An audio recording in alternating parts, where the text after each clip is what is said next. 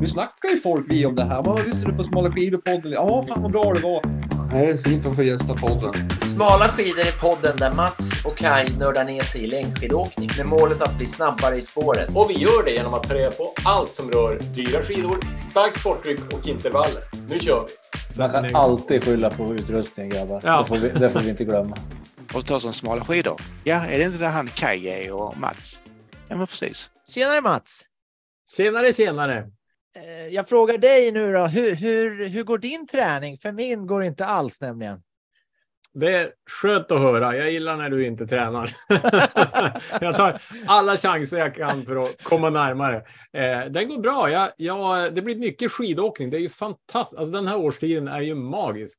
Eh, nu har vi ju skjutit klockan en timme också, så nu är det ju ljust så man kan träna på kvällen. Eh, så att eh, Ja, men eh, kanske åtta timmar varav sju timmar var nog skidåkning och bra kvalitet och rätt mycket stakpass också ska sägas. eh, i, i, I den linjen. Eh, Men eh, du, du, du har inte så mycket att berätta du då eller? Nej, jag har några. Jag har fler gympass än jag har pass på skidor. Men då är du å andra sidan sugen på att åka skidor. eh, Jag har åkt lite grann skidor. Ehm, jag har varit på resande fot mycket och sen så har eh, mina pjäxor eh, i, i, igår fick jag ordning på dem. Eh, så, så jag har liksom hasat omkring på mina gamla klassiska lite grann. Så att jag har inte, man kan inte räkna dem. Så jag har haft besök av min syster som inte är skidåkare om vi säger så. Ehm, Nej. så, så jag har åkt några sådana här promenadpass då. Ja, ja, men jag, alltså att skylla på grejerna tyckte jag var lite svagt. Jag tycker du, om jag får inventera din garderob så hittar du grejer att åka på. Men, men okej, eh, Ja. det får gå för den här gången.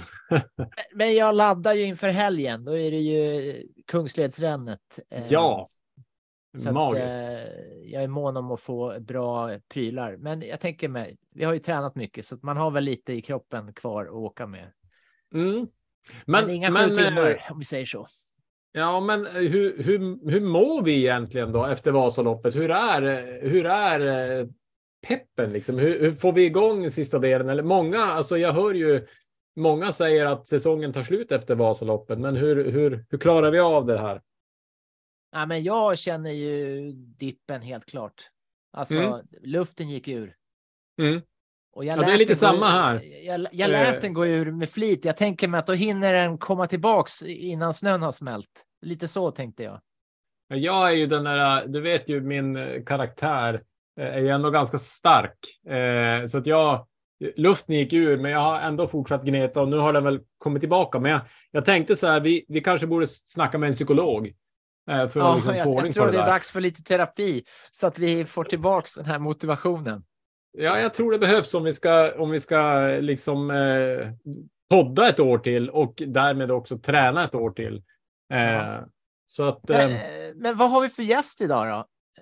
Ja, det var ju det då. Eh, Jag har ju. Eh, det finns ju inte så många idrottspsykologer här i Sverige som är duktiga och, och som jag tror kan hjälpa oss. Och vi, vi har ju redan pratat med Stig Wiklund som är också en erkänd. Så jag har ju dammsugit marknaden och det är klart att jag hittade en Pitebo.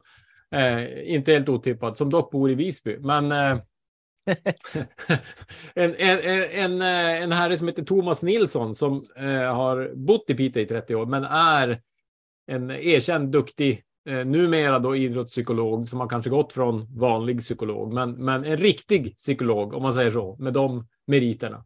Ja, men det passar ju superbra då att styra upp eh, våran träning och våra, våran, vad säger man, vårat psyke så att vi, vi orkar med ett år till. Ja, verkligen. Jag, jag är inte säker på att eh, vi är så lättskruvade, men vi får väl, se, vi får väl testa. Ja, nej, men eh, ska vi säga något mer eller kör vi igång? Eller? Nej, men jag tycker vi lyssnar och eh, så får vi väl eh, ge någon reflektion sen. Så vi, vi säger eh, att nu, vi, vi kör. Då hälsar vi Thomas Nilsson välkommen till podden Smala skidor. Ja, men tack så mycket. Jättespännande. Kul, kul att du är här och, och min och Kajs och våra lyssnares vägnar, så att säga. Mm. Eh, Thomas Nilsson är ett ganska vanligt namn, tänker jag. Det finns säkert några hundra i Sverige, så jag tänker, kan inte du berätta om Vil- vilken är och- utgåva är du? Ja, exakt. Vilken utgåva är jag? Alltså, Och, och, och, varför vi hör av oss till dig, det, det har du Mm. säkert listat ut. Men, nej, men ge oss en liten eh, hisspitch på, på Thomas Nilsson psykolog i grund och botten. Som med många andra saker jag har gjort i livet så tar det tid. Jag hittar på en massa konstiga saker mellan varven. Så att jag har avbrutit varenda utbildning jag har gått och börjat med. Eh, och så har det med min psykologutbildning också. Att den tog mig tio, drygt tio år att bli färdig med. Och en rad avbrott under resans gång som hade att göra med att jag jobbade, startade projekt, eh, startade behandlingshem och så vidare. För mitt, mitt, mitt basic-intresse och det som har drivit mig genom åren som, som psykolog har varit beroende. Jag har arbetat med människor som har problem med alkohol, narkotika och spel om pengar. Och just spel om pengar är väl det jag ägnat de senaste 30, dryga 30 åren åt mer eller mindre på heltid. Det här kommer bli Eh. spännande. Hur ska vi få in det här på skidåkning? Och det kommer alldeles nu, Kaj. Alltså, under de här åren jag har jobbat med spel om pengar så har jag rest mycket. Jag har varit plus 100 resdagar per år. Och i en taxi på väg till hem från Kallax till Piteå. Och jag har uppe min dator i knät och försöker avsluta dagen och komma hem i lugn och ro till helgen. Och bredvid mig så tar det en, en ung kvinna plats. Och hon kan inte låta bli att prata. Och till slut så viker jag ner datorn och så börjar vi prata. Och denna unga kvinna heter Magdalena Pajala. Mhm. Just det. Eh, jag är skidintresserad. Jag har åkt mycket skidor i mina dagar och tränat mycket i mina dagar. Och sådär. Eh, jag gjorde min militärtjänst på idrottsplutonen i Boden en gång i världen. Eh, så skidsport intresserar mig och skidsport finns i mitt DNA på olika sätt. Så att jag blev lite nyfiken och började fråga henne om vad hon gjorde och vad hon höll på med och så vidare. Och hon frågade vad ja, vi utbytte sådana där fraser som man alltid gör. Sen gick det några dagar så ringer hon och säger att eh, jag skulle vilja prata med dig. Och jag tänker att jaha, vad vill hon prata om då? Jag är ju psykolog så folk ringer ju ibland och undrar har jag tid att prata med dem? Eh, och till slut så säger hon något i stil med att ja, men hon skulle vilja bli en bättre skidåkerska. Och hon börjar beskriva en del saker som hon upplever att hon brottas med då. Och det här var alltså någonstans 2011 efter OS i Vancouver. Ja. Ehm, och eh, jag sa nog ganska direkt att ja, men idrottspsykologi och sport och sånt där, det, det är jag intresserad av, men det är ju ingenting som jag har ägnat mitt, mitt yrkesverksamma liv åt eller har någon speciell kompetens inom. Men hon stod på sig, Magdalena, och tyckte att vi borde träffas.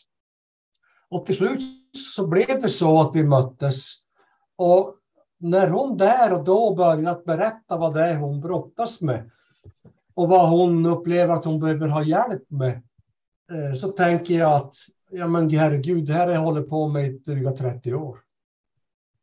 Mm. De saker som hon refererar till som hade att göra med, med, med liksom motivation och mål, hur hon undrade, hur hon skulle hantera oro, ångest, hantera motivationsdippar, för, hantera motgångar, hantera skador. Så tänkte jag att ja, men, ja, men det, här, det här har jag jobbat med i dryga 30 år med människor som verkligen brottas med att vrida om sina liv från någonting som är väldigt destruktivt till någonting helt annat. Mm. Så där och då började vi jobba.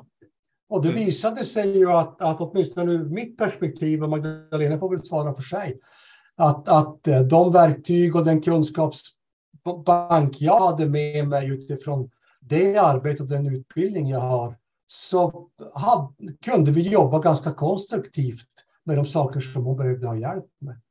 Mm. Eh, Så där, där startade det. Och Magdalena åkte skidor i Piteå Elit och hon berättade för, för sina väninnor och sina vänner vem jag var och vad hon höll på med och vad vi gjorde. Och det ena ledde till det andra. Och, och det ledde ju till ett samarbete med många skidåkare i Piteå Elit.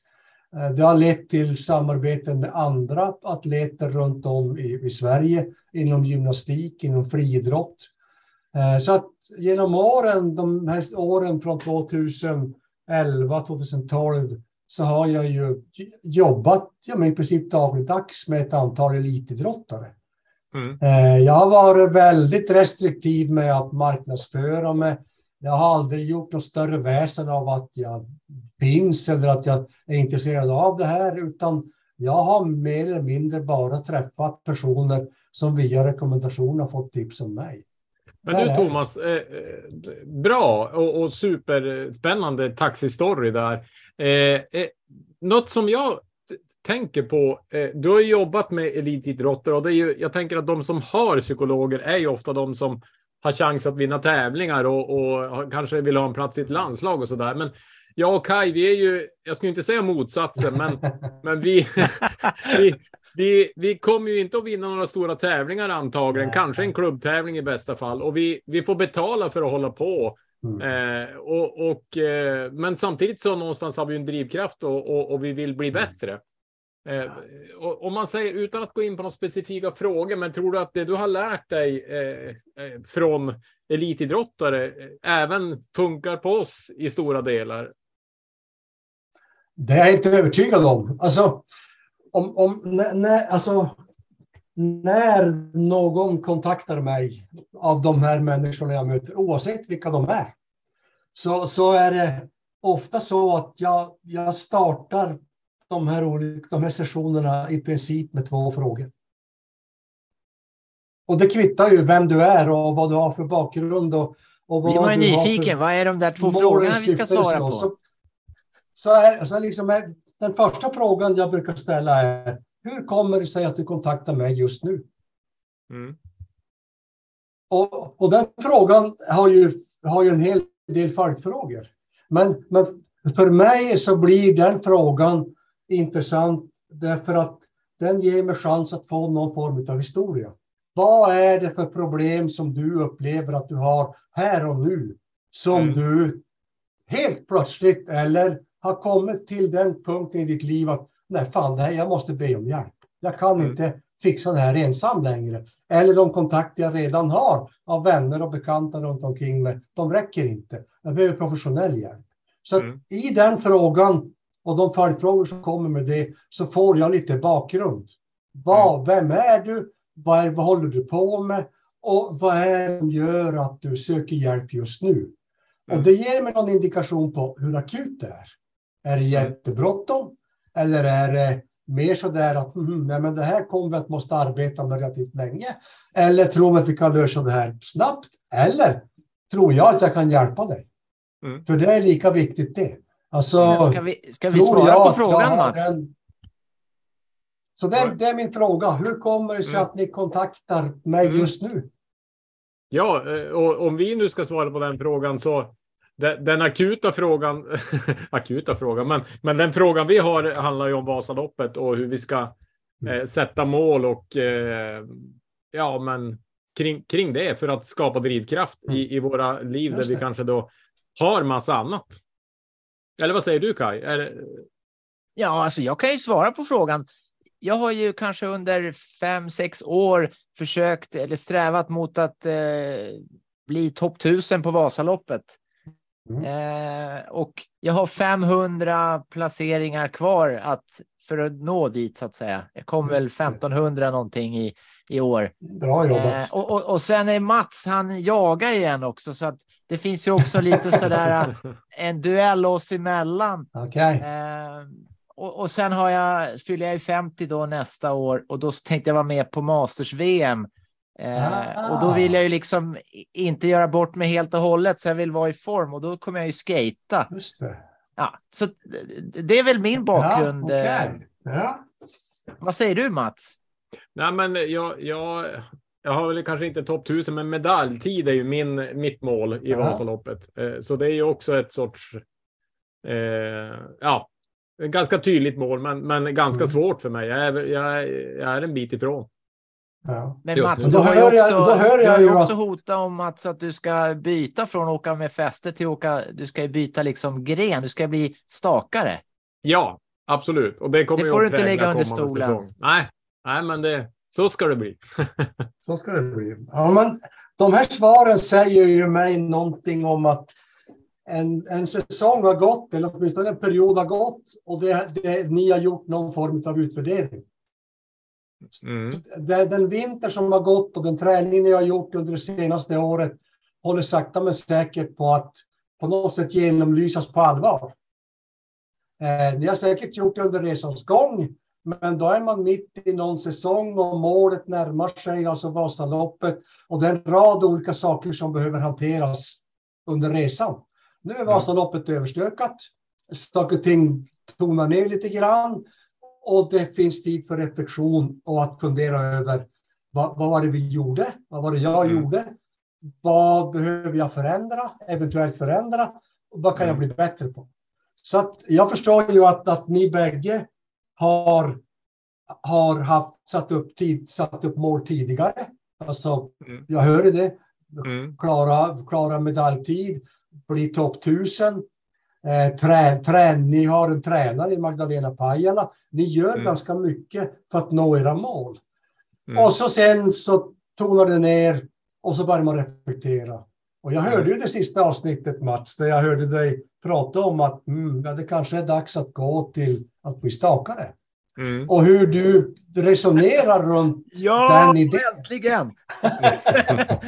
hur, hur du resonerar runt, runt den idén att Mm. bli stakare. Och, Mm. och det är ju ett väldigt, det är ju ett, ett väldigt insiktsfullt resonemang som bygger på ganska mycket erfarenhet över flera år.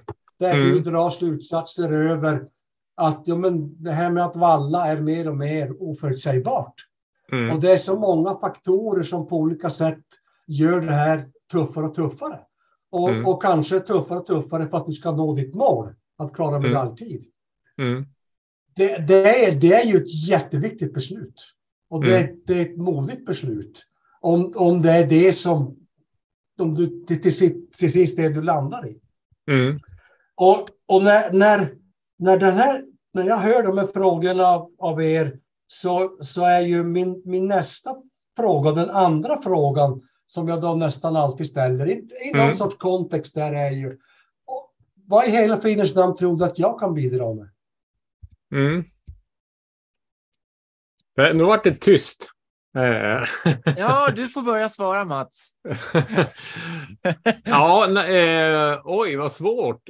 Eh, jag, tänk, ja, men jag, jag ska svara så här. Eh, jag, jag är faktiskt, precis som TV-kocken har jag ju alltid, jag, jag funderar, jag tror jag funderar lite mer än Kai inför ett poddavsnitt så här, på hur ska vi lägga upp det här? Och jag har ju, jag har ju faktiskt pratat med Magdalena Pajala.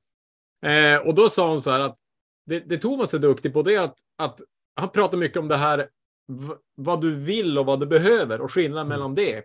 Och då tänkte jag så här, det där är något som jag kan behöva lära mig mer om. Eh, och jag, det är också ganska roligt att jag hör vissa pojkar som vill köpa dyra skoter och så säger de så här, jag vill höver den.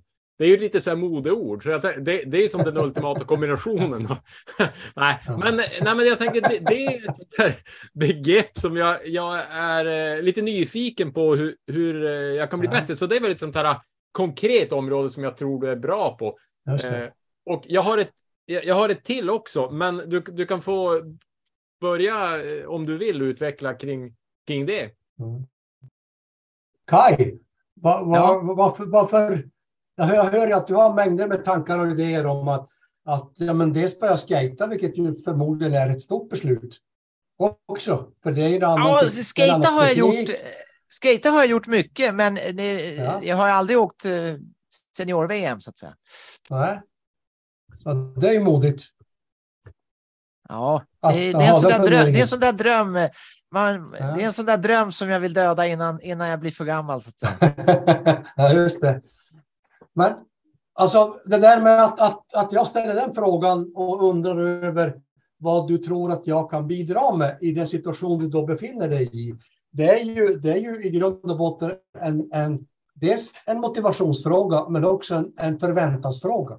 Vad förväntar du dig av vårt samarbete? Förväntar du dig en, en quick fix? Förväntar du dig tydliga råd av mig? Eller förväntar du dig en, en samtalspartner, en någon som du kan reflektera och fundera med? Förväntar du dig att faktiskt få prata med en psykolog? Mm. Och, och det, det kan ju låta eh, skumt och med mysko att, att, att ha den funderingen. Men som psykolog så har jag ju en del saker med mig som gör att ett, jag har, jag har tystnadsplikt. Det betyder att det vi pratar om här och nu, det far ingenstans. Det stannar Ja, idag gör det ju det. Och i det Vi är ju på en podd, så idag har vi många tjuvlyssnare. Säga. och, och, det, och det, det, sk- skälet till min fundering är ju att, att 96 gånger av 100 så är det nästan alltid så att när jag ställer frågan vad förväntar du dig, vad skulle du vilja ha hjälp av mig med? Så kommer det ett ganska väl inövat svar. Men sen när man väl börjar prata Mm. och det väck, finns någon sorts förtroende, någon sorts feeling av att ja, men det här kanske kan leda någonstans. Då kommer huvudskälet till varför du vill prata. Mm. Och det är ju inte så att huvudskälet är dolt för den här individen. Huvudskälet finns där och det är där. Men det är inte sällan som individer direkt kommer och säger det här vill jag prata om. Det här är det som är det mest jobbiga i mitt liv. Man spar det lite tills man har någon idé om att ja, men det här kan nog funka. Den här Mm. göken som sitter mitt emot mig, han kan jag lita på. Eller hon, Mm. hon förstår mig. Hon Mm. lyssnar på mig. Och då Mm. helt plötsligt öppnas andra samtal upp. Mm. Och, och, och det, det, det leder ju till en rad olika saker. Sådär. Och, och jag, jag, har ju jobb, jag jobbar med en friidrottare just nu som heter Andreas Almgren. Som jag träffade för två och ett halvt, tre år sedan kanske. Eh, och han, vi träffas ju under ganska dystra omständigheter. Alltså Andreas är ju en jättetalang, har ju alltid varit en jättetalang på medeldistanslöpning. Han har rekord på rekord, han har vunnit SM och han var trea på junior-VM på 800 meter. Alltså en jättetalang. Men ett, en karriär kantad av skador. Skador, skador, skador. Och till slut så hamnar han i ett läge där han upplever att det, nu det funkar inte mer. Och en fråga jag ställer till honom där som gör honom alldeles perplex och det är ingen ny fråga. Jag, som jag ställer. Jag ställer den till nästan alla. Och, efter en liten introduktion och så, så säger, jag till honom, men hur kommer det sig att du gör det här? Varför stiger du upp varenda rackarns morgon och förbereder dig för två träningspass om dagen? What's the point? Mm. Varför gör du det? Så om vi skulle ta den frågan till oss då. eh, eh, Jag har inte svarat på frågan vad jag förväntar mig för, eh, för, för stöd eller sådär. Och det är nog för att min stora, i alla fall medvetna motivation, det är att jag tycker det är vansinnigt roligt att åka skidor. Det är sånt Just det. där sån egoområde. Jag tränar och jag har liksom mina egna projekt helt för mig själv. I mitt jobb så gör jag saker där jag hjälper andra. Så att så därför så, jag är mest nyfiken eh, kring det här avsnittet och jag hoppas att Mats ska få eh, några nycklar som gör att han eh, kommer liksom vidare i den här funderingen Ja. kring staka och sådär. Eh, Just det. Men jag har lätt att tänka att nej, men jag behöver ingen hjälp för att jag är så himla ostrukturerad och går bara på glädje. Eh, Ja, Eh, li, li, lite känslostyrd, eh, liksom är det bra väder och det är kul, ja, men då kan jag träna hårt och sen så eh, om det är dåligt väder eller det finns något roligare att göra så då gör jag det. Eh, Medan Mats, du är ju mer liksom ordning och reda och, och liksom eh, en plan. Mm. Vad säger du Mats? Eh, Nej, men det, det är ju en skillnad mellan oss så sett. Sen, sen eh, det är klart att vi, vi drivs ju av alltså det här med att det ska vara roligt vill man ju, men jag, jag, vi kanske tar oss an uppgiften på olika sätt. Så det tänker jag.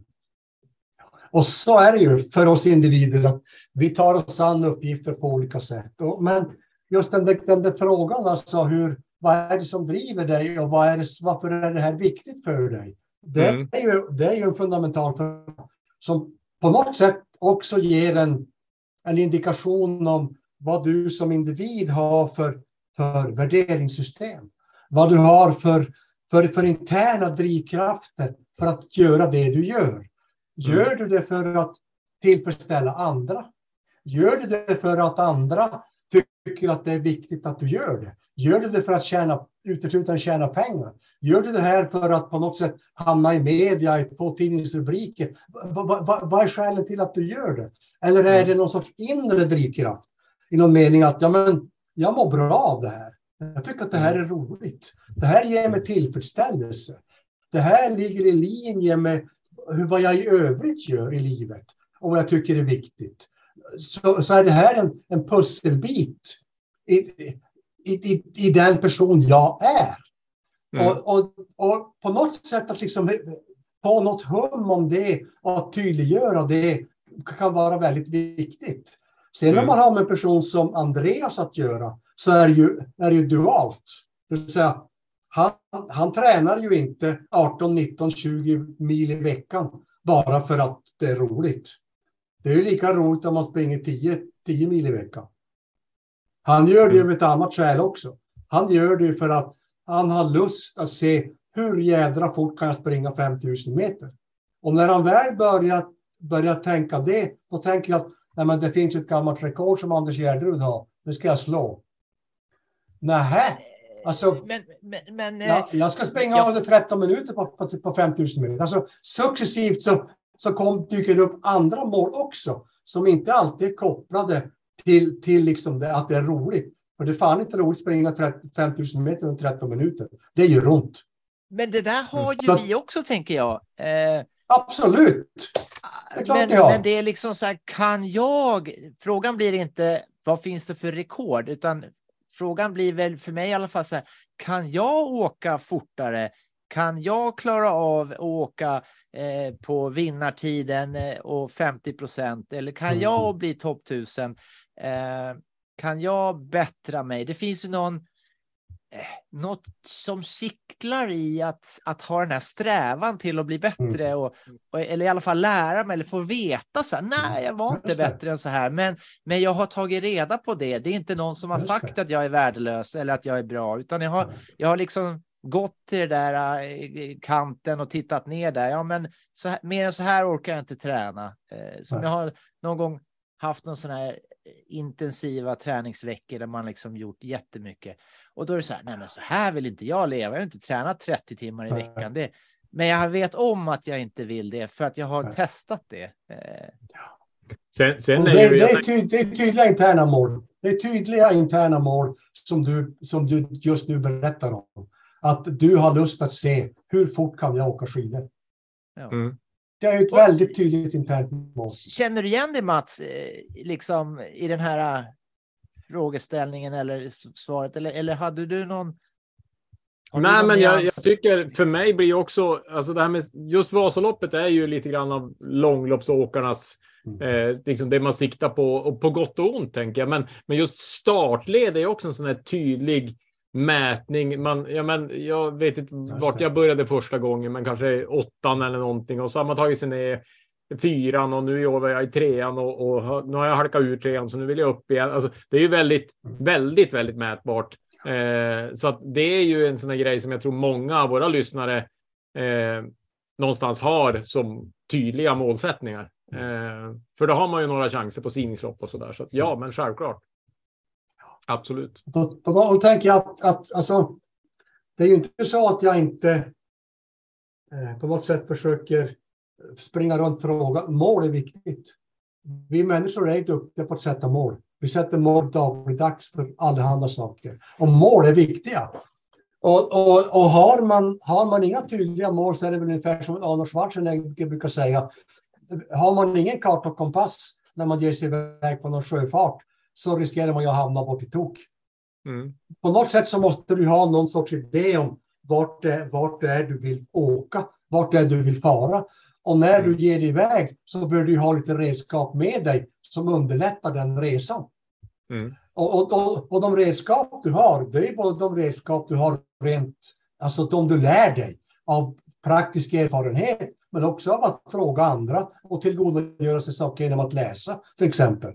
Men det handlar ju också om i ert fall, om att fundera över, ja, men ska, ska jag staka? Ska jag, ska jag åka klassisk skidåkning? Vad, vad är smartast utifrån mina förutsättningar? Är jag förberedd för att gå från diagonalåkning och, och klister, klisterskidor till att staka på blanka skidor. Är jag förberedd för det? Mm. Men, men alltså, i, i själva sättandet av målen så är det några nyckelord som, som åtminstone jag har med mig när vi pratar om det. Och det ena är ju att målet ska vara konkret. Det ska vara tydligt. Jag ska klara Vasaloppet på medaljtid. Mm. Nej, jag ska gå från, från led 4 till led 3. Mm. Jag ska, jag ska komma i mål och vara helskinnad. Alltså någon tydligt mål. Målet ska vara mätbart. Jag ska kunna följa det. Precis som Vasaloppet. Ja, men jag ska från spår från led 8 till led 5. Från Mm. led 5 till led 3. Det är mätbart. Det är tydligt. Mm. Det går att utvärdera. Det går att följa upp. Och det går Mm. att, att förstå varför jag halkar från led 3 till led 4. Jag åkte inte nog fort. Mm. Det ska vara tidsbestämt. Thomas, sä, säger du så här att, att eh, som om vi tar Mats exempel då, det här med blanka skidor, att ett, ett träningsmål skulle kunna vara som jag, jag, jag, vill staka Vasaloppet. Det är Mm. som slu, kronjuvelen, men för att komma dit så är det som jag ska göra x antal stakpass i veckan eller jag ska Ja. åka x antal mil med bara. Eller är det så du tänker att att Mats Så tänker bry, bryta ner att att han övar på det som han sen ska kunna, fast i en på något vis utan att bli skadad Mm. eh, nivå. Det, och det är helt rätt. Det är så jag tänker. Alltså att, att, att det, det långsiktiga målet för det år som nu kommer, det är ju att åka Vasaloppet nästa år. Mm. Att åka Vasaloppet på, så, på, på någon, med någon form av målsättning. Jag ska staka, säger Mats. Jag ska Mm. övergå från klassisk skidåkning till att staka. Okej, det är ju ett tydligt mål. Och, och när det målet väl är satt så gäller det ju att börja försöka bena ut vad det innebär. Mm. Har jag, har jag den kompetens som krävs för att genomföra det? Har jag den omvärldsanalys som krävs för att, för att kunna staka nio mil? Mm. Har jag rätt utrustning? Har jag rätt träningsdos? Har jag rätt muskler, muskelmassa för det? Är det några muskelgrupper jag, jag behöver träna för att, för att klara detta som jag inte tränar när jag åker, åker klassisk skidåkning? Alltså Mm. bryta ner det, det mål jag har satt mig att göra till mindre och mindre beståndsdelar. Nej, men och där, där, det, eh, det, är sätt, det är någonstans där det är. Hur gör jag det här möjligt? Nej, men och, och jag tror där, där och det här, jag, jag köper in på det 100 procent. Här tror jag, jag, jag, i och med att vi har poddat nu här i ett och ett halvt, två år, så där, där har jag ju något, eh, en, ganska tydlig plan vad jag behöver göra. Så även om jag tänker att podden kan ju också hjälpa oss i samtalet med dig eller andra att, att liksom eh, bryta ner det och få ännu mera kompetens. Det, är ju- det är ju helt fantastiskt. Eh, så att där, där, men jag, tänk, jag tänker också så här. Eh, i, i, om jag ska ta ett exempel, Magdalena, jag pratade med henne och hon sa så här att Mm. där jag blev lite förvånad. Hon berättade att du hade varit med och utvärderat ganska mycket intervallpass som hon har kört. Alltså Ja. att du har varit med och inte. eh, Och då tänker jag så här. Okej, en, en psykolog på ett intervallpass, det lät spännande. Så här, för, för korta och långa mål och prestation. Men, men liksom, jag tänker, hur, hur gör man det? Bara som ett, eh, så här, nu är vi inne på en finare nivå, men, men Mm. var- vart hamnar man där liksom? Ehm, för mig är det ganska logiskt att hamna där. Det, det, det finns en röd tråd i det. Och, och för mig är den röda tråden, den är ju att jo, vi kan ha ett långsiktigt mål, som exempelvis Andreas Almgren har. Han ska vara i final på OS i Paris på 5000 meter. Mm. Det är långt borta. Han satte det målet för två och ett halvt år sedan. Han, han vet, han tror sig veta att ska han komma till en OS-final på 5000 meter i Paris 2025 så kommer det att krävas ett försökshit, ett semifinalhit och ett finalhit. Han är rätt övertygad om att ska vinnartid, ska, ska man vara med och, och fightas om att vara topp 6 på, på en OS-final så, så krävs det att jag springer under 13 minuter. Och det är fort. Alltså springa 5000 meter under 13 minuter är vansinnigt fort. Då springer du varje 200 på cirka 15 sekunder. Mm. Det, det är fort. Han förstår att han behöver tid för det. Men den mänskliga hjärnan är ju inte funtad så att den klarar av att hålla sig med, med, med tidsperspektiv som egentligen sträcker sig över dagen. Vi klarar av det momentalt. Vi kan prata om långa tidsperspektiv. Vi kan, vi kan planera för långa tidsperspektiv. Men vår hjärna och vår, och vår kropp är inte skapt för att jobba här och nu med något som ska hända sen. Det funkar inte så. Så det, det, det långsiktiga målet behöver brytas ner. Är det så vi lurar den? som, Att vi, och- och- vi delar upp det så att säga? Yes, så det måste kortas ner. Och Charlotte Kalla som jag har jobbat med i många herrans år, för he- hennes, hennes liv be- bestod ju av fyraårscykler. Och sen så bryts den där fyraårscykeln ner i år, i månader, i dagar, i, veck, i veckor, i dagar och i halvdagar. Mm. Så hon tuggar ju i sig elefanten en tugga i taget. Mm. Men hur tuggar man då Och intervallpasset? då kommer man till, då kommer man till intervallpasset. Då kommer man till intervallpasset. Intervallpassen är viktiga för, för, för alla som idrottar. Vill Mm. man prestera och vill man förbättra sig så går det inte att undvika intervallpass. Mm. Eller hur? Ja, jag är helt Och hur, med. hur min utvärderar vi våra intervallpass då? Vad har vi för, De måste vad har vi för göras. frågor vi behöver Intervallpassen måste göras. Mm. Vad har vi Och för då- frågor vi ställer oss då?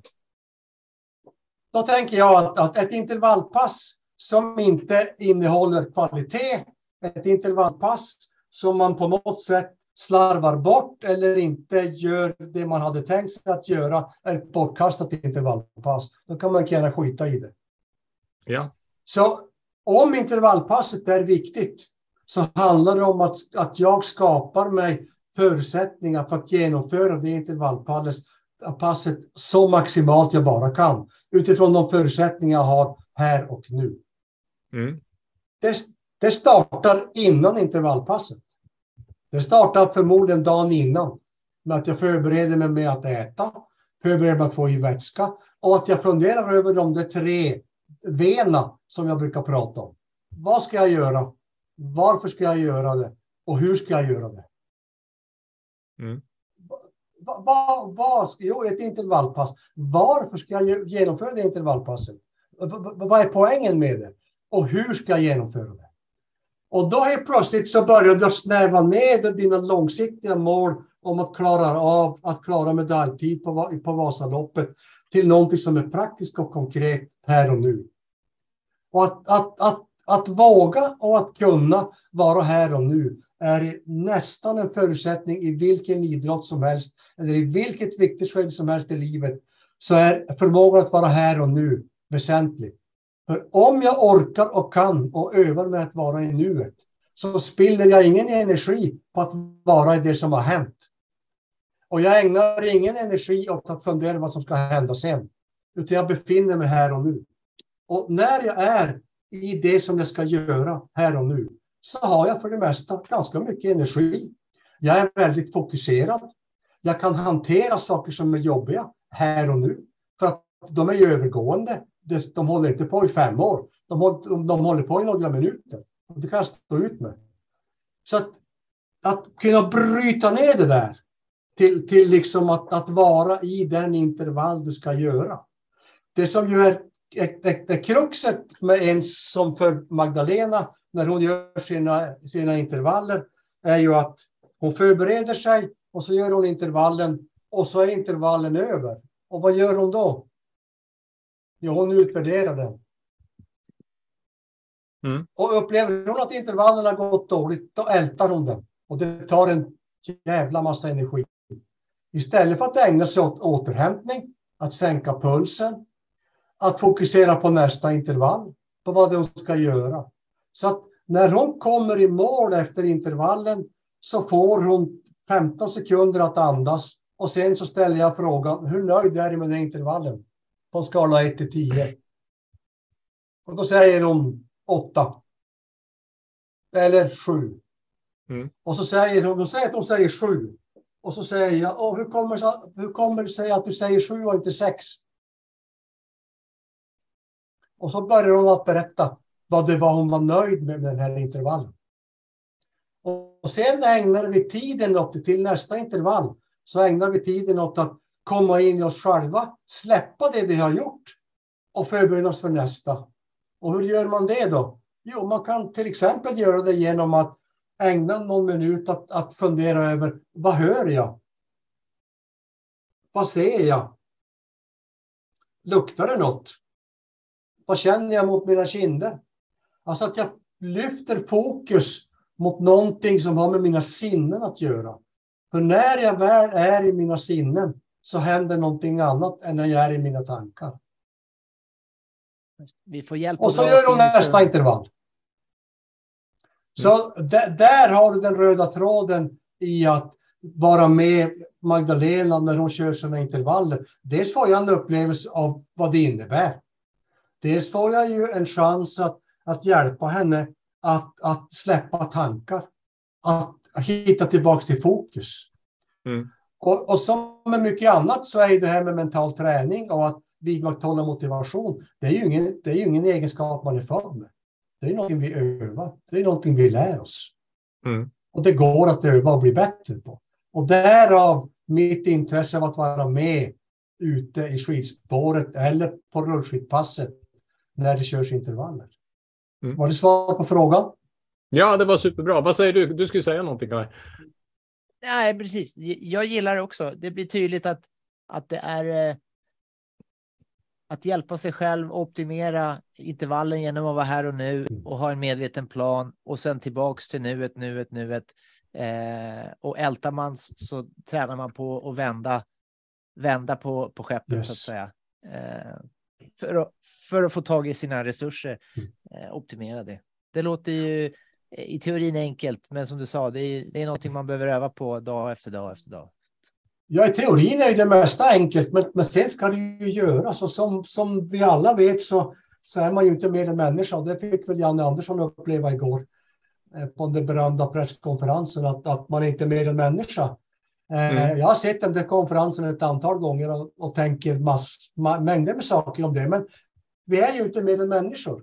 Och, och jag tänker att är man inte i, i den är man inte i den, i den position som exempelvis Charlotte Kalla är eller Andreas Almgren är, att man har det här som heltidsarbete, så kan det väl kanske vara så att det är ännu viktigare att de intervallpass jag behöver göra på min fritid efter jobbet eller en ledig helg, att det passet blir så bra som det bara kan bli. Mm. Och att använda alla tjuvknep jag bara kan komma åt för att, för att maximera det passet. För många av de intervall, distanspassen och tröskelpassen ni gör, ja men de kan ju vara rätt behagliga, eller hur? Man hinner titta sig omkring, man hinner prata lite, man, man, har, man upplever en mängd, mängd olika saker. Och ibland är man trött och ibland är det ditt. Men ett intervallpass riskerar ju att vara, om man gör det rätt, vara på gränsen hela tiden. Mm. Eh, Och är man inte då förberedd, är man inte på något sätt i någon sorts fas, så kan det ju vara ett jättejobbigt pass. Mm. Men som alltid så finns ju energin i nuet.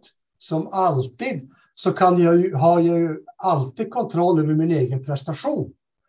Och ibland så hör jag att en del använder ordet prestation. Och jag tänker ibland att de använder det på ungefär samma sätt som de pratar om resultat. För mig är det två helt olika saker. De hänger inte ihop överhuvudtaget. Jag kan lämna en föreläsning om spelberoende och vara jättemissnöjd, men publiken är nöjd. Men jag Mm. kan också gå ifrån ett, ett möte med en ledningsgrupp på ett internationellt spelbolag och känna mig jättenöjd. Men ledningsgruppen är flygförbannad. Mm. Det hänger riktigt ihop. Så. Och samma sak är det här. Att, att prestationen, det är inte säkert att den hänger ihop med resultatet. Charlotte har lämnat skidspåret, kommit i mål efter ett skidlopp, varit nöjd med resultatet, men missnöjd med sin prestation. Mm. Och Hon är nöjd med resultatet därför att hon, hon vann, eller vad det nu var hon blev. Men hon är missnöjd med prestationen därför att hon vet att hon hade kunnat jobba hårdare över krönen. Hon vet att hon gjorde ett taktiskt felbeslut när hon låg, låg 30 sekunder bakom en åkare därför att hon blev bekväm. Istället för att direkt kliva i spår och försöka hålla sin egen fart. Så resultat och prestation hänger inte alltid ihop. Men din prestation kan du själv påverka. Du kan jobba med den. Du kan maximera den. Det betyder inte att du är nöjd med intervallerna, men du är nöjd med din prestation. Vi, vi, Mm. vi kan nog känna igen oss, eller hur Mats, i att vi kan både vara missnöjda med våran insats, våran prestation, och vi kan vara missnöjda med resultatet. Så, så kan det också vara.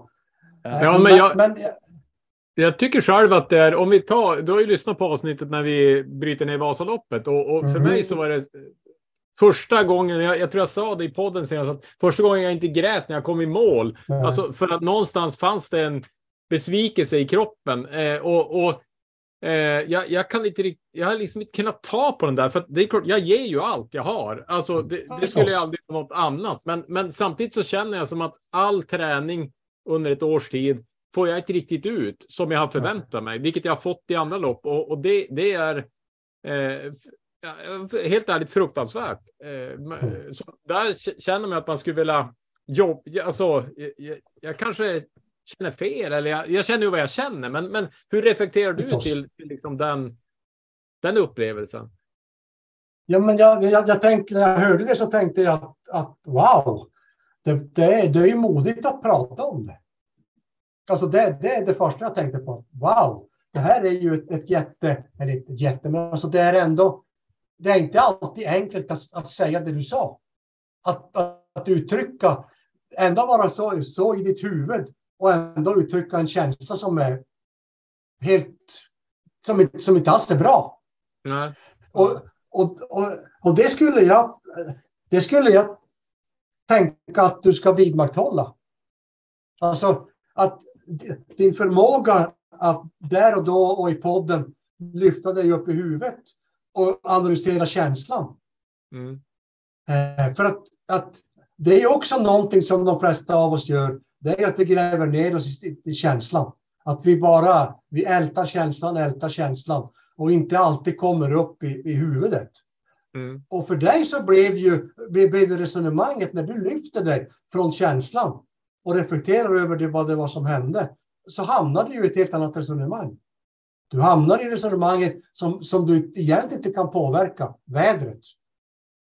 Du Mm. hamnar i ett resonemang om, om, om vallningen och teamet som vann dina skidor. Mm. Du gjorde en historisk reflektion över att, nej men kolla, det här, här, har det, här har det hänt liknande saker tidigare. Och, och, och den slutsats du, du där och då drar är att nej, jag måste ändra strategi. Mm. Det är jävligt modigt. Det är väldigt modigt. Att, att våga vara i huvudet och att liksom på något sätt kullkasta gamla teorier, idéer och, och, och beteenden jag har haft och säga det här duger inte. Jag behöver skaffa mig en ny strategi. Det är Mm. modigt. Mm. Och det modet tycker jag du ska ta med dig. När du nu börjar ställa om till att, att gå mot mer stakning. Mm. Känner du peppen Mats? Ja, absolut. Nej, Men jag är, jag är peppad. Eh, definitivt. Eh, Ja. Verkligen. Men och det är ju, jag tänkte på det där, eh, de här frågorna. va- Varför gör vi det här? Eh, någonstans, nå- något som jag också tänker ibland så här. Den här känslan av att eh, när man har genomfört eh, en prestation och när det är tvärtom då mot vad jag kände i Vasaloppet. Mm. Någonstans är det ju den man söker. Alltså när man gråter i mål, alltså när man, när man har liksom gett sitt allt och, och, Mm. och man behöver inte ens ha nått sitt mål, alltså rent prestationsmålet eh, eller resultatmålet, utan Mm. man kan, men just att känslan av att man ändå har, eh, ja, Att det, gjort det är ju någonstans en del av drivkraften. Just det. Mm. Hur tänker du Kaj om det? Nej, men så, eh, det är ju så också. Jag, jag är ju hellre nöjd med, med min insats, att jag har gjort allt som står i min makt och att jag inte eh, går i mål liksom i jämförelse med andra eller tid eller så där. För, för det finns ju någon skön, någon skön känsla i att när shit, jag har verkligen tagit ut mig eller jag har liksom gjort det. det. jag- Det finns ju en stor tillfredsställelse i det. Och sen är det ju aldrig så att jag att jag aspirerar på någon pallplats eller sånt där. Det är möjligtvis om jag tävlar själv, då, då kommer jag etta, tvåa, trea, men det, det är inte så ofta. Då. Så. Nej. Men det, och det är ju de- den där känslan av att, att lyckas. Alltså att på något sätt jobba länge, jobba hårt. Eh, allt på något sätt prioritera det som då är Vasa, min Vasaloppssatsning på den nivå jag är. Och att, att få komma i mål och känna att wow, det här var ju, det här En- var, det här En var av bra. mina, en, en av mina så här, motiva- eller liksom en glädjegrej med min träning är liksom att livet är så himla bekvämt nu för tiden. Alltså allting, man åker bil och man, allting är så, allt Mm. funkar och liksom, det är ingen kamp i livet mer. Men det, det är typ det enda stället jag har kamp. Det är när jag ska upp för en backe eller jag åker ett lopp eller jag kör intervaller. Så det är väl någon sån här liksom gammeldags eh, liksom stenålderskänsla på något vis att jag har, jag kämpar för livet på den här intervallen i fem minuter liksom. Den tillfredsställelsen gillar jag, för det finns inte så mycket annat i livet. Det, jag lever alldeles för bekvämt liksom. Mm. Eh, Så där, där kan jag känna igen mig att det, jag får tag i någon sån här shit. Det är ju ändå tufft att vara människa rent fysiskt. Det kan ju vara Mm. tufft mentalt att, att, leva 2023, men, men fysiskt så är det ju alldeles för enkelt. Liksom. Ja, Där är jag, jag brukar, jag, alltså. Nu, nu, nu kommer vi till an, någon sorts sidospår, men alltså, jag brukar ju säga att, att hålla på med elitidrott eller med idrott och sätta upp mål, det är i grund och botten en, en existentiell fråga. Det, det, är, det, det är när frågan ställs, när- när vi pratar mål, oavsett om det är nu med en person som vill bli nykter resten av livet, eller om det handlar om att åka Vasaloppet och göra det för att, att på något sätt må väl och må bra, så, så är det på något ytterst en ex- existentiell fråga. Vem är jag? Vad vill jag? Vad- Vad är, vad är syftet med mitt liv? Vad är, vad är poängen med det här? Mm. Jag, jag hävdar på allvar att det är så. Att det, det, är någonting, det är någonting djupt existentiellt i att göra det man gör runt Vasaloppet. Det kan verka glättigt och lattjo lajban och det är affärer och folk tjänar pengar på ditten och datten. Men, men när man står där så är det ju någonting helt annat. Det är ju någon form utav, utav bevill, någon, någon, någon sorts urkraft i det. Vem är jag? Fixar jag det här? Överlever jag det här? Och jag tänker att när du säger Max det där med att komma i mål och gråta. Alltså då, då tänker jag att ja, för mig så blir ju det också existentiellt. Alltså att, att, att ha den upplevelsen, att gå i mål efter Vasaloppet och gråta. Då, då betyder det ju någonting mer för mig än det jag har gjort. Mm. Det har ju någon form utav, utav, utav existentiellt värde. Nå- nå- Någonting som är mer än, än vad jag är. Någonting Mm. som är mer än vad jag tror att jag är. Mm. Och och jag tänker att vi, vi människor är ju jätteduktiga på att på olika sätt, eh, vad kallas det? Besjäla kanske det kallas. Alltså att, att besjäla saker som är utöver det som vi faktiskt ser. Vi, vi pratar om, om träd som hon eller han. Vi pratar om, om, om, om människor vi inte har sett och människor vi har hört talas om. Så ger vi dem ett inre liv fast vi inte vet någonting om det. det vi, vi jobbar med att försöka göra världen tydlig för oss. Vi försöker förklara världen för oss. Vad är min plats i det här? Var, var, var, var finns jag i det här? Så att återigen så, så tänker jag att jo, men det är mycket som är viktigt, det är mycket som är spännande och det är skidspann och valla hit och stavlängd hit och dit. Men i grund och botten så är ju grundfrågan varför gör jag det här ändå fundamental? Varför gör jag det? Ja, vi är ju skidåkare. Eh, Det är vår, en del av vår identitet. Precis. Och, Vad, vad och- betyder den identiteten för dig? Ja, det- det, är rätt så coolt för att jag var vid någon sån här, eh, något museum, kanske var det i Jokkmokk eller någonstans och, och då var det att de hade hittat skidor som är 7000 år gamla här uppe. Och, och ibland när jag gråter en skvätt, det behöver inte vara ett lopp utan man är ute och åker och det är som att jag far i skogarna här eh, på skoterspår med min hund och åker skidor. Och sen så mitt i allt så kommer jag på att jag gör ju någonting som uppenbarligen gjordes även för 7000 år sedan här.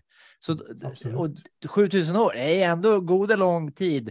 Så, så då, då får jag i alla fall en känsla av att, att jag är del av någonting större.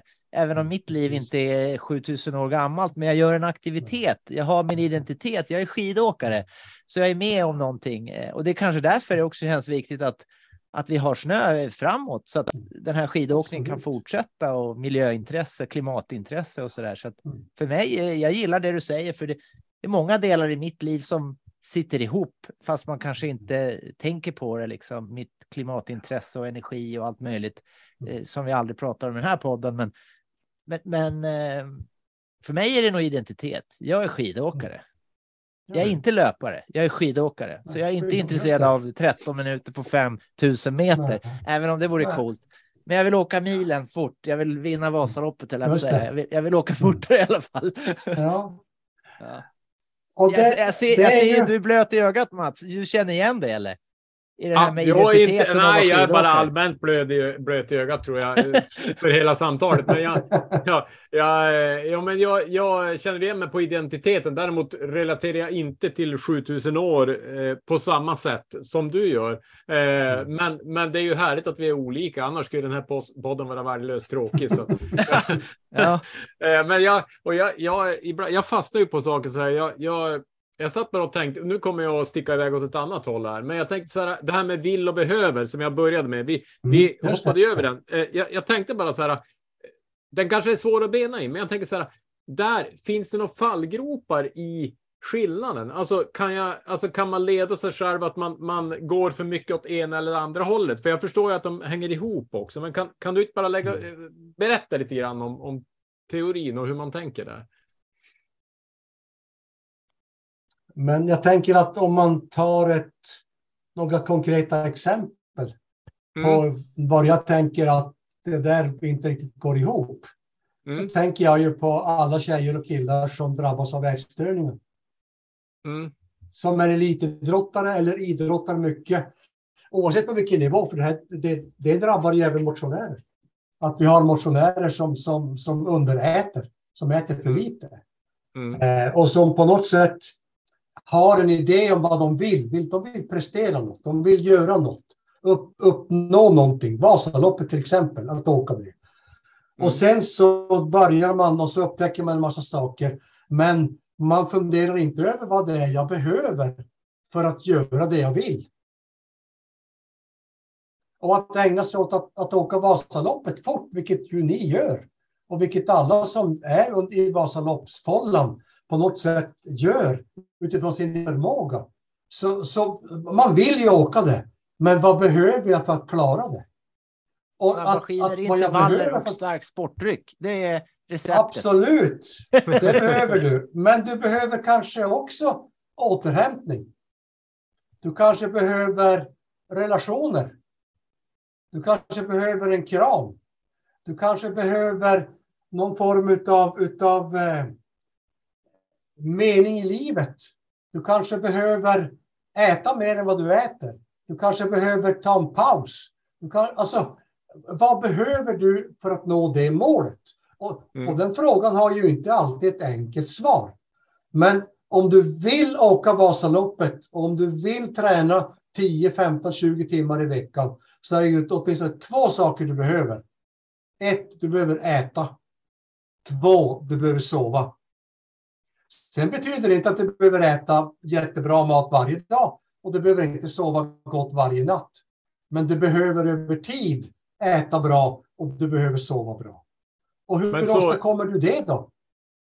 Så, så behoven, eller liksom behöver, handlar om behov, enkelt Ja. översagt, som, som är Ja. essentiella kan man säga. Och Ja, det här med vill är mera kopplat till nästan känslor eller? Ja, Och målsättning Yes. låter det som också. och Mål, om jag- målsättning. Ja. Och, och jag upplever ju att många människor jag möter, oavsett vilka jag då har mött under de här 35-40 åren jag jobbar, så är ju kunskapen om våra grundläggande behov är ganska bristfällig. Mm. Och många, ut, många använder ord om, om behov som, som inte är ett behov utan är en känsla. Jag, jag känner mig inte hungrig. Hunger är ingen känsla. Hunger är ett behov. Men vi förenklar språket genom att säga att jag känner mig hungrig. För det är något alla förstår. Men, men, men att vara hungrig är ingen känsla. Det är ett behov. Att, att sova är ingen känsla. Det är ett behov. Men att vara ledsen är en känsla. Att vara glad är en känsla. Att vara lycklig är en känsla.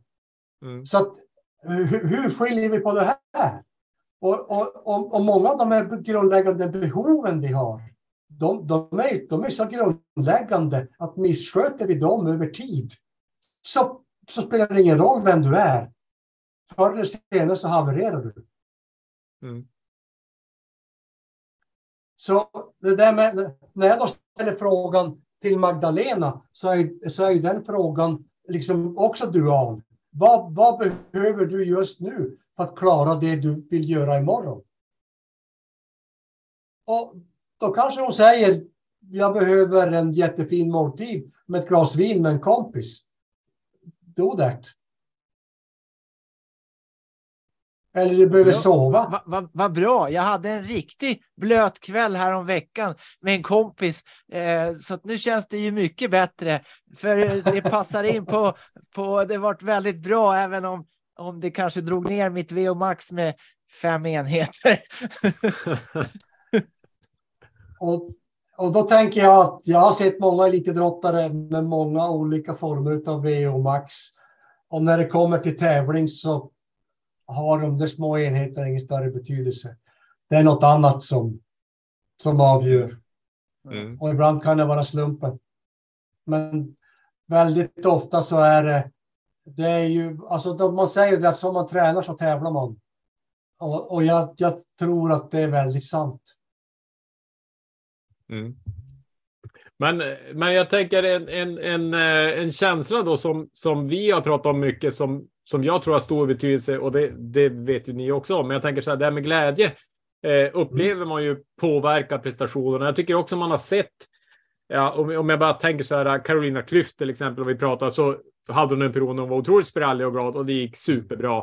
Och Charlotte eh, och, och många andra, Kläbo nu verkar vara i otrolig balans. Alltså det verkar ju liksom höra ihop väldigt mycket. Eh, eh, jag tänker hur och, och samtidigt så tycker jag så att man kan alltså ibland så är jag. Eh, jag är inte liksom alltid glad, men jag skulle gärna vilja vara det.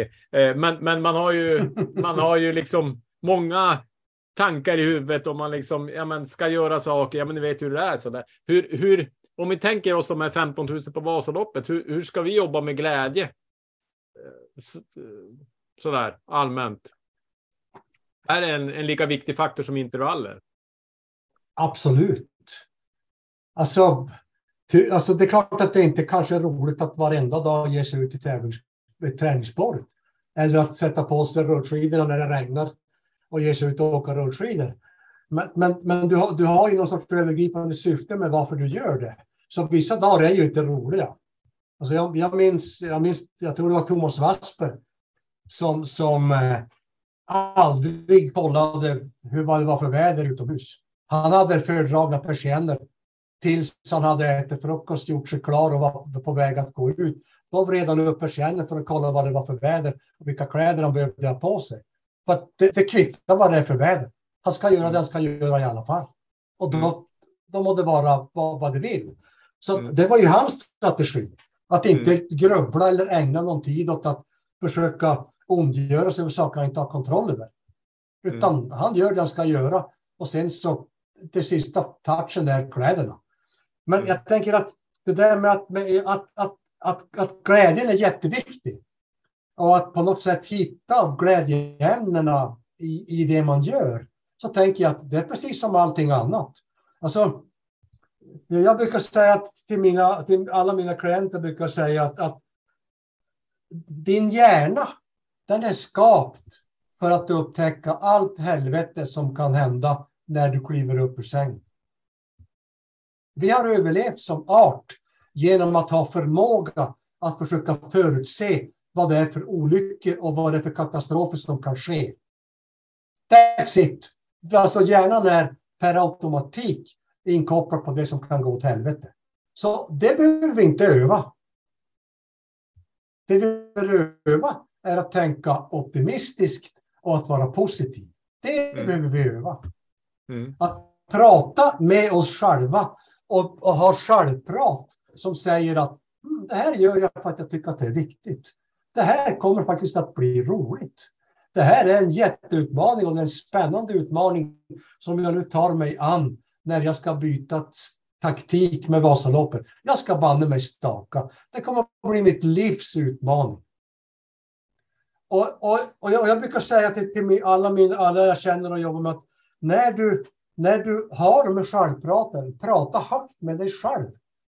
I badrummet eller i sovrummet eller i bilen. För vår hjärna struntar egentligen vem det är som säger vad. Hjärnan gör ingen skillnad på om den hör det prat du ger eller om det är någon annan som ger det.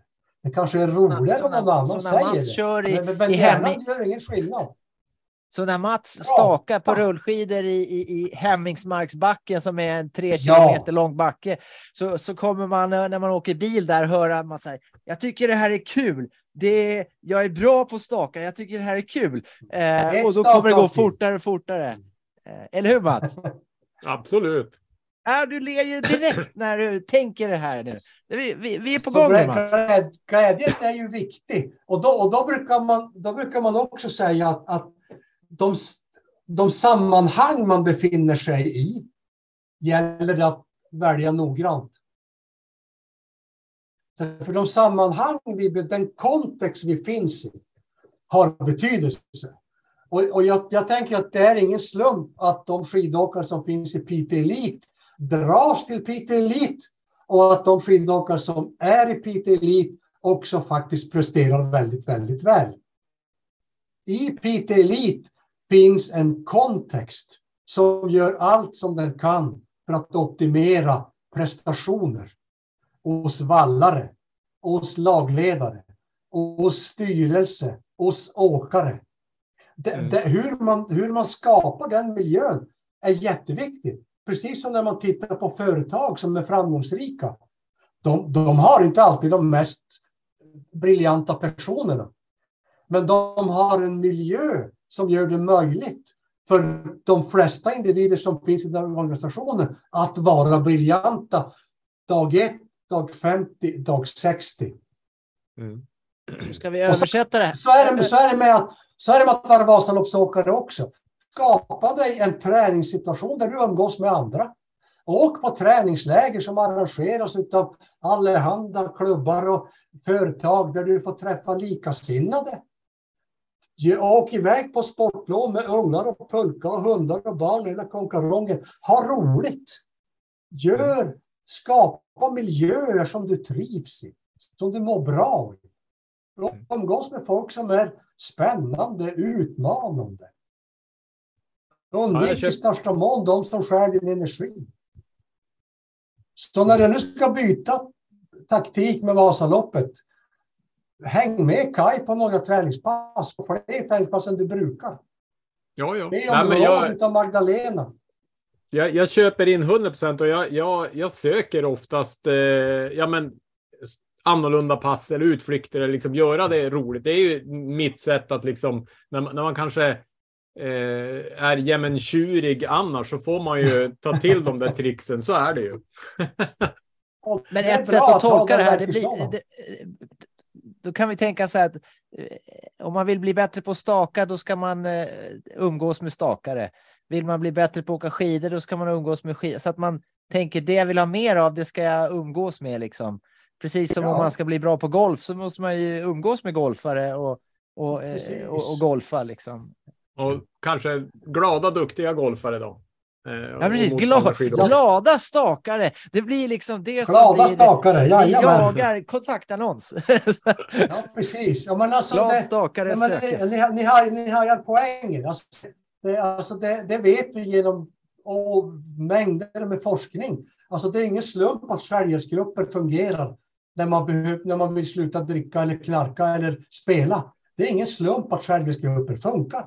Skärgårdsgrupper är ett fantastiskt redskap för att vidmakthålla motivation och för att få perspektiv, att få råd, att få tips, att prata Mm. om saker som som vanligt folk, alltså de som har varit nyktra hela sitt liv, alltså inte, de, de hänger inte riktigt med i vad det är som, som jag brottas med.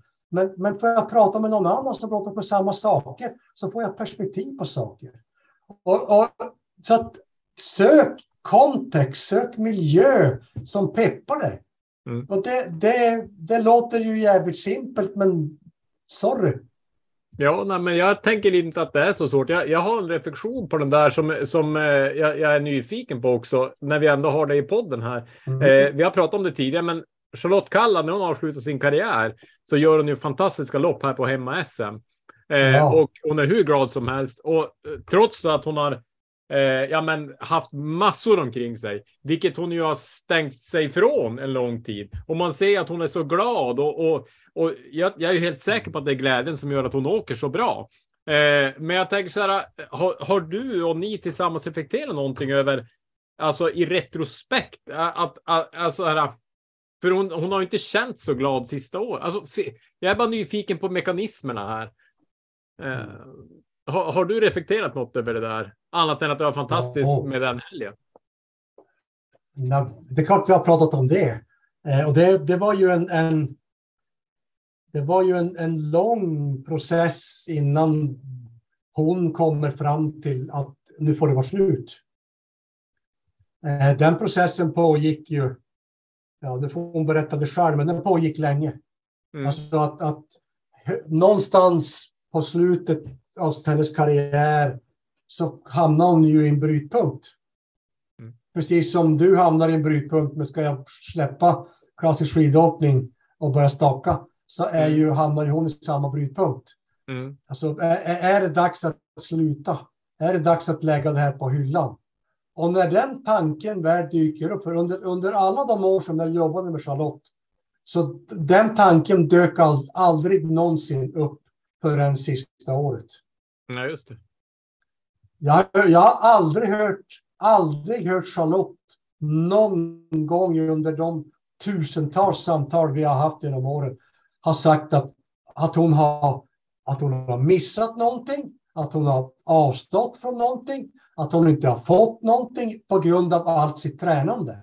Utan snarare motsatsen. Hon har alltid pratat om vad skidåkningen har gett henne. Hon var alltid bra om, om saker som hon får genom skidåkningen. Men till, plötsligt så kommer det. Och, och, och då är vi tillbaka i kontext. Det händer en massa saker i hennes liv, precis som det händer saker i alla våra andras liv. Och saker by- byggs på varandra. Och, och, men det, det, enkla svaret på din, på din fråga är att när hon väl bestämde sig och sa nu är det slut. Suck. Vad bra. Beslutet är fattat. Nu kan jag ägna energi åt någonting annat. Mm. Och helt plötsligt blev ju Charlotte en Charlotte som jag känner igen. Glad, sprallig, humor, glädjefylld, tvivlar, optimistisk, eh, lycklig, unnar andra saker. Alltså, hon, hon blir den Charlotte som jag känner igen när beslutet väl är fattat. Ett Mm. jättetufft beslut. Klart. Mm. Det är det enkla svaret. Och, Ja, och det andra svaret är att, att, att i den där processen så byggs det ju upp en massa saker. Eh, är, är ni bekanta med det här, den här 10 000 årsklockan? Nej. Det finns ett projekt som är startat av en mängd människor där man har som idé att man ska bygga en klocka som ska fungera i 10 000 år utan att man egentligen ska behöva göra någonting med den. Och grundidén är ju, är ju att de har en idé om att vi människor tänker väldigt kortsiktigt. Vi tänker, vi tänker bara på det som händer här och nu. Och de som har startat det här, det här klockprojektet, precis som en del andra projekt, är ju företagsledare. Exempelvis Jeff Bezos har investerat 10 miljoner dollar i den klockan. Eh, de, de har ju någon sorts idé om att ska mänskligheten överleva som art så måste vi börja tänka långsiktigt, inte kvartalsmässigt. Och, och likväl som i, i, i Charlottes fall och i många andras fall fattas så här viktiga beslut, som att lämna skidåkning diagonalt till att börja staka, så är det en lång, lång historia bakom det beslutet. Det har hänt många saker genom åren och, och Kai säger att ja, men jag känner mig delaktig i en 7000-årig historia. Som skidåkare idag när jag är ute i skogen med min hund så är jag en del av en, en lång, lång, lång historia. Samma är det ju med Charlotte och med alla andra som fattar det beslutet som nu eh, flera skidåkare och skidskyttar har sagt att nu får det vara nog. Mm. Så, så är det ju någon sorts tillbakablick över vad, vad har jag åstadkommit? Vad har jag gjort? Vad var det som var bra? Vad var det som inte gick fint? Har jag offrat? Då kommer de där frågorna. Har jag faktiskt offrat något? Kan jag bli med barn? Som ju var en av de saker som Charlotte var upptagen av. Kommer att kunna bli med barn?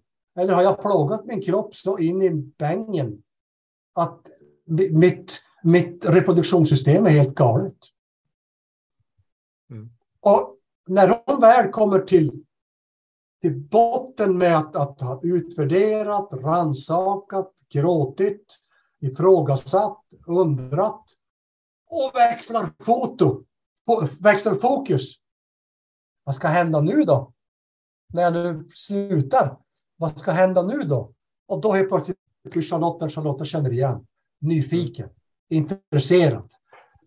Vad ska jag ta mig an för utmaningar nu? Vad vill jag med resten av mitt liv? Hur ska Mm. jag fixa det här? Och då, då släpper ju saker. Mm. Och hon var genuint väldigt, väldigt glad under SM-veckan. Och det blev Mm. ju inte sämre av att hon helt plötsligt också är i form. Hon har bra skidor och hon presterar på de inledande loppen. Så, Mm. så växer ju tuppkammen. Mm. Och så får hon en massa kärlek. Och vem vill inte ha kärlek? Mm. Hon blir uppmärksammad, folk applåderar. Alltså, det kommer väldigt mycket kärlek, väldigt mycket positiv energi. Och så Mm. släpper det. Glädje i grund och botten. Det är du målgången Mats. Vasaloppet 2024. Ska jag skratta eller gråta? Nej, men det, kommer kärlek, applåder. Ja, ja. Ja, ja. Ja, Jag såg bilden. Det- Hela upploppet. ja. Alla det- bara wow, Mats stakar i mål. och, och det är precis det du ska göra med målet. Du ska prata om målet som du nu har inför Vasaloppet 2024 i presens. Många pratar om de mål de sätter upp i, i futurum. Mm. När man pratar om sina mål ska man prata om dem i presens. Som om att jag faktiskt har gjort det. Och med, vil, med vilka känslor och vilka beteenden målet har betytt.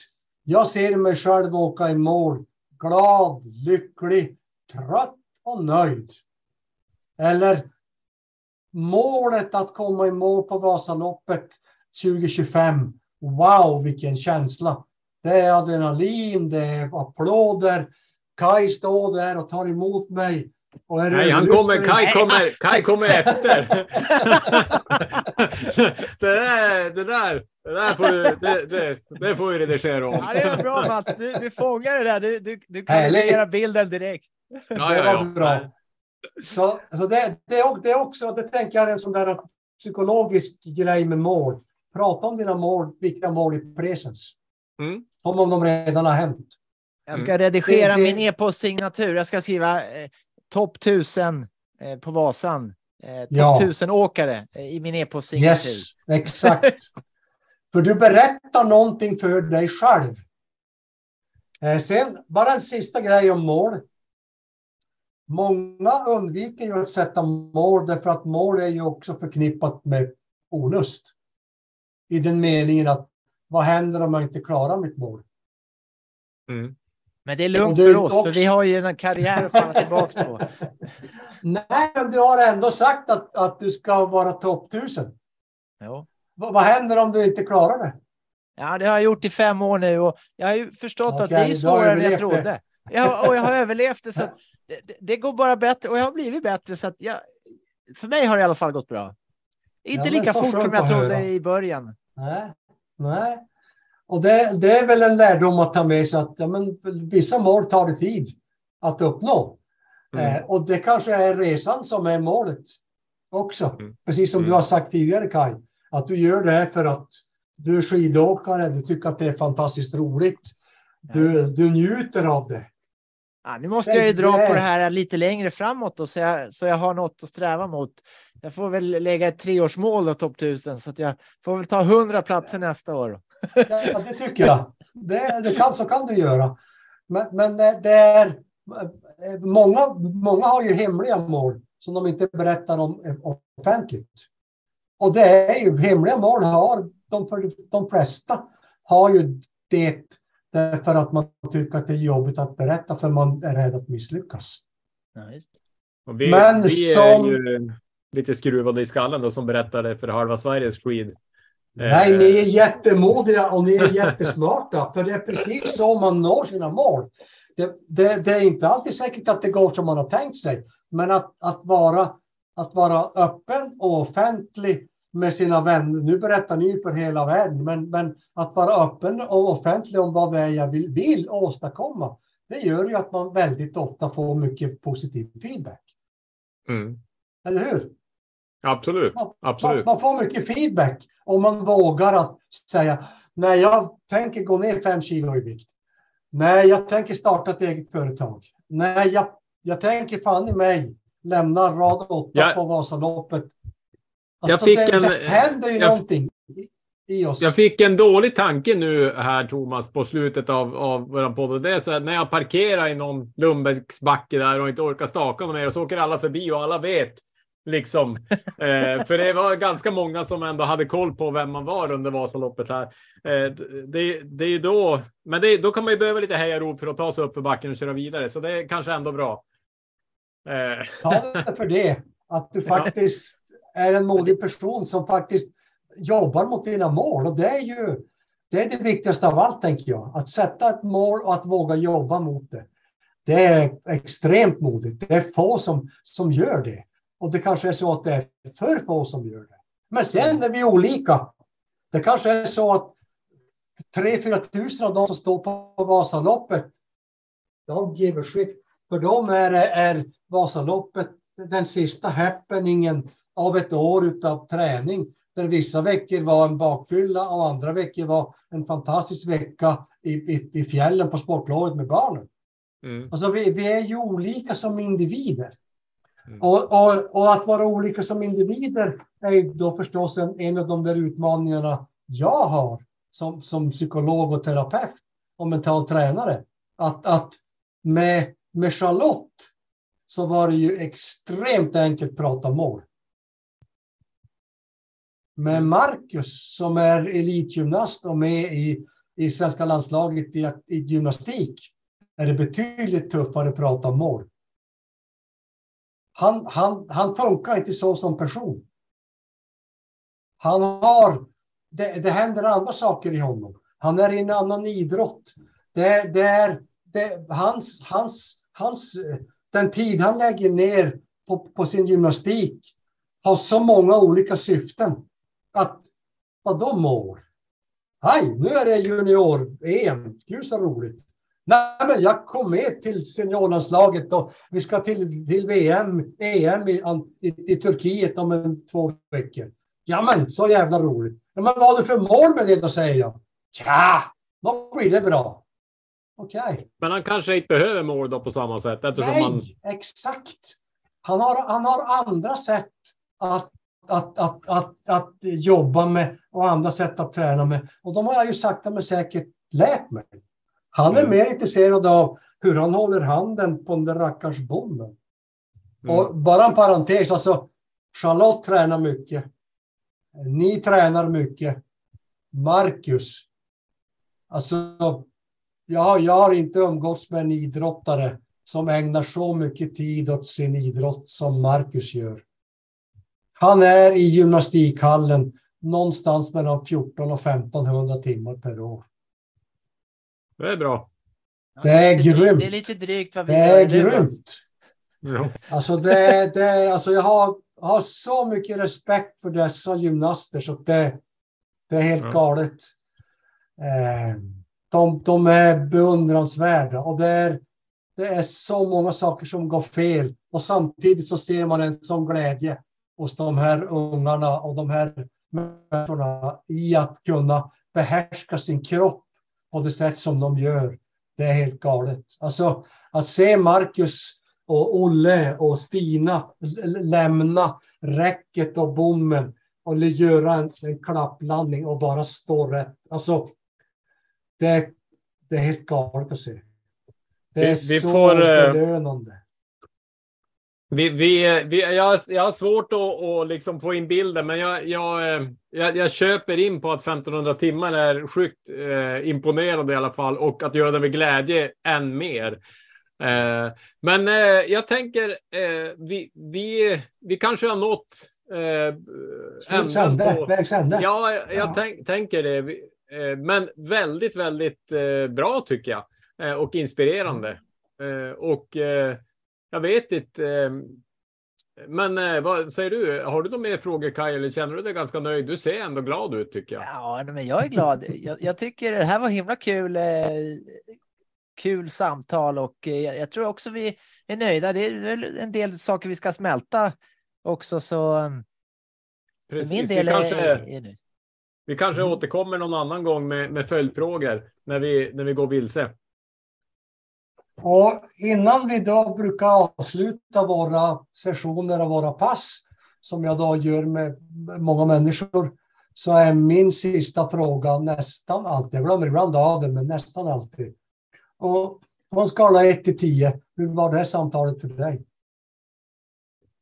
Eh, ja, men eh, jag sätter en nia. Ska han motivera också eller är det bara siffror? Jag sätter en, sätt en siffra bara. Ja, men då sätter jag en åtta. Okej. Ja. Och hur kommer det sig att, att du sätt, sätter, sätter en nia Mats och inte en åtta? Oj, jag fick gå åt det hållet. Eh, nej, men jag tyckte det var fantastiskt intressant och jag har lärt mig mycket. Så att, eh, Okej. Varför säger du åtta och inte sju? Eh, Varför jag säger åtta och inte sju? Ja, nej men eh, för att jag tror att det är många trådar som jag och Mats kan ta vidare eh, i det här. Mm. Så att, precis som alla avsnitt så, så bygger vi på som du sa att vi liksom det blir som en Precis. följetong. Och jag tänker mig att eh, kulan kommer att rulla ytterligare fortare och lite längre efter det här samtalet. Härligt och jag är sjukt peppad. Jag ska köra ett intervallpass ikväll. Jag tänkt, jag har tänkt köra så att jag eh, inte kommer att stå på benen. Eh, Den, den, den, den känslan fick jag i Det är- kroppen. Det är ruskigt bra. Det är ett bra hur. Ja, När, när det är klart står jag inte på benen. Det är hur Nej. jag ska genomföra passet. Det är bra. jajamän. Ja, det kommer att bli hur bra som helst. Ja, men eh, tack så mycket Hörni, Thomas. lycka till och- med er Vasaloppssatsning. Lycka till med Kungsledenloppet, Kaj. Tack så mycket. Och eh, ha en bra träningssommar. Ja, ha det fint. Tack, tack. Sådär, det var Thomas Nilsson. Vi, det, det var ju inte kanske det kortaste samtalet vi har haft, men väldigt intressant ska jag säga. Vad säger du? Eller hur? Jag håller helt med. Det är Det- eh, vissa grejer behöver ju ta tid, eh, men det, det är. Eh, ja, det satte ju några tanke, tankebollar i rullning helt klart. Vi, vi har ju några avsnitt där, där eh, Stig Wiklund eh, är ju ett sånt. Eh, Peter här som pratade om eh, kost är ett annat och jag hör några av våra lyssnare har, som jag har träffat live säger att det här avsnittet har jag lyssnat på tre gånger. Eh, för det fanns saker att ta med sig. Och för mig kan jag tänka mig att det här är ett sådant avsnitt, för det finns partier och passager som är riktigt, riktigt bra eh, i, i, i det här samtalet. Eh, som, som eh, ja, svårt att peka på just nu. Jag, jag, det jag kommer så här, top of mind för mig är så att folk kommer att tro jag är lite galen när jag sitter och pratar för mig själv eh, här och var högt. så här, du är svinigt bra på att staka Mats, bara så du vet det. Eh, På lunchrestaurangen liksom. ja, exakt. Du är, och du är otroligt stark och har en fin, bra hållning för stakning. Du, din muskulatur är som byggd för att staka.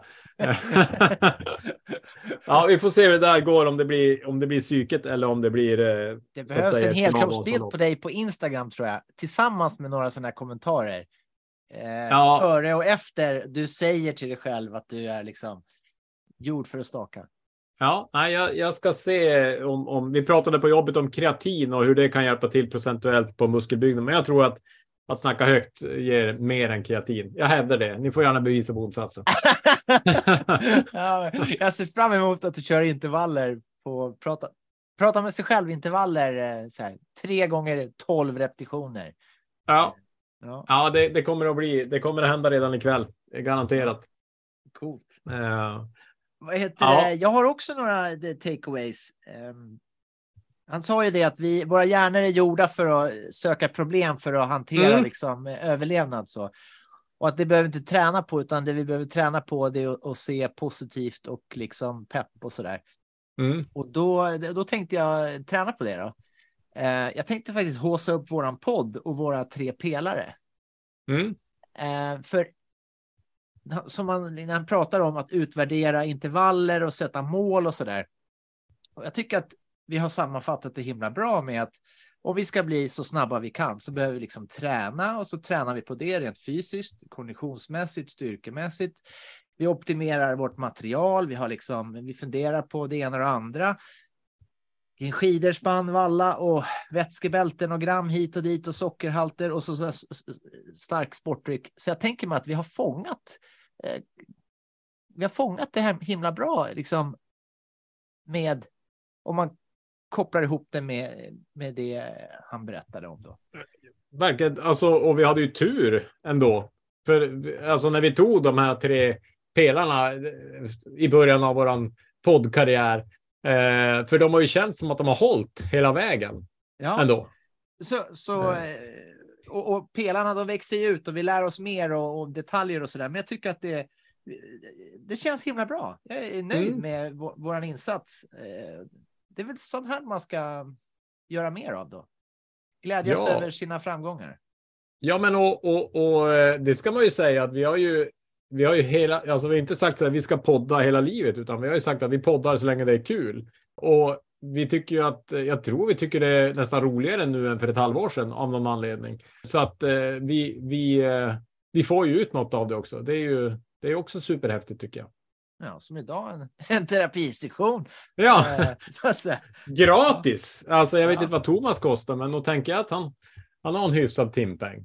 Så att eh, det är, ju, det är ju helt underbart. Då får vi se om vi blir snabb eller liksom eh, får ett psykbryt eller om vi eh, snabbare. Men, men eh, ja, bra var det. Hoppas att eh, ni som lyssnar tyckte det var bra och kom gärna med kommentarer. Vi älskar kommentarer. Förslagsvis via Instagram där vi är representerade. Men Grymt. det, det var ju rätt så långt det här, så vi kanske ska inte bli för långrandiga. Nej, vi, jag tänker så här. Lycka till i, i världens bästa skidlopp enligt dig, eh, Kungsleden-rännet. Eh, Jag s- tänker prova det något år här framöver och, och får ju då bekräfta. Men, men hoppas det blir kanonväder och att det går superbra. Så får vi en riktig race report nästa avsnitt då. Ja, det ser jag fram emot. Det ska bli kul att ta jaga revansch. Och, och jag tänker så här på min liv också att ta med sig den där astmamedicinen så att vi inte får säng. Man måste ju lära sig av sina misstag. Jag lovar, jag lovar som eh, rullskids-Patrik. Jag har en, eh, en packlista och den står högst upp. Livs glasögon eh, och eh, astmaspray. Ja, underbart. Ja, men eh, med det så ger vi oss ut i eh, världen och blir bättre skidåkare. Och jag, då säger vi bara hojres! Ja, verkligen. Vi hörs.